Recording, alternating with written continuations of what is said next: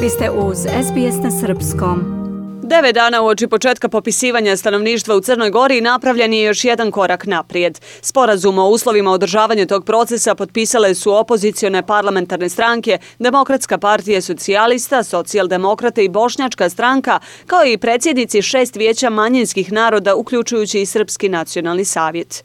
Dokument je u ponedjeljak veče potpisao i premijer Milojko Spajić, koji ga je i predložio. Poslanik DPS-a Nikola Rakočević poručio je da je Demokratska partija socijalista stavila svoj potpis na sporazum, ali u tom procesu neće učestvovati dok se svi uslovi iz njega i ne ispune. Postoje, dodaje, dva razloga zašto je DPS prihvatio navedeni sporazum. Jedan je da doprinesemo postizanju opšte konsenzusa, dijaloga i kohezije u društvu u cilju dostizanja najvećih evropskih demokratskih standarda.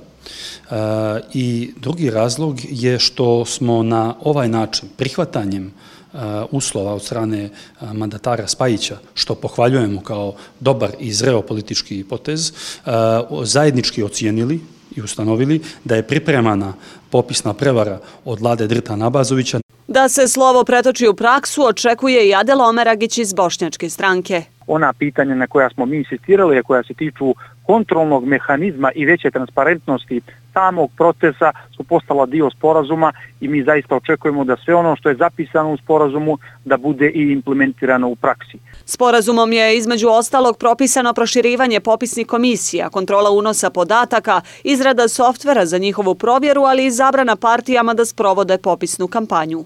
Ono što se u dokumentu ne nalazi jeste datum održavanja popisa koji je, podsjetimo, ranije odgođen za 30. novembar. Nikola Zirojević iz SDA poručuje da on nije ni bitan, ali upozorava.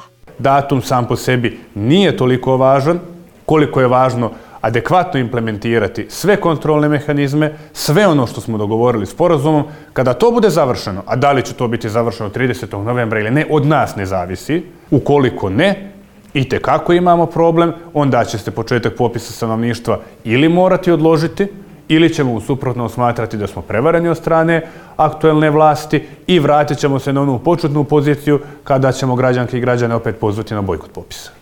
Nakon stavljanja potpisa na dokument, sa opštenjem su se oglasili i predstavnici manje brojnih naroda. Zadovoljni su što je nova vlada imala razumijevanje za ispunjavanje određenih uslova i pokrenula dijalog.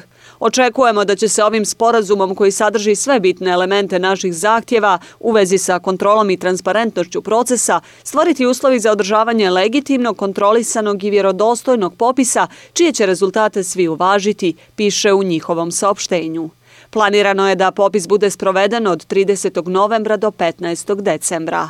Popis je trebalo da se održi od 1. do 15. novembra, ali ga je Spajićeva vlada odmah nakon izbora odložila izmjenjenom uredbom kojom se određuje datum održavanja popisa.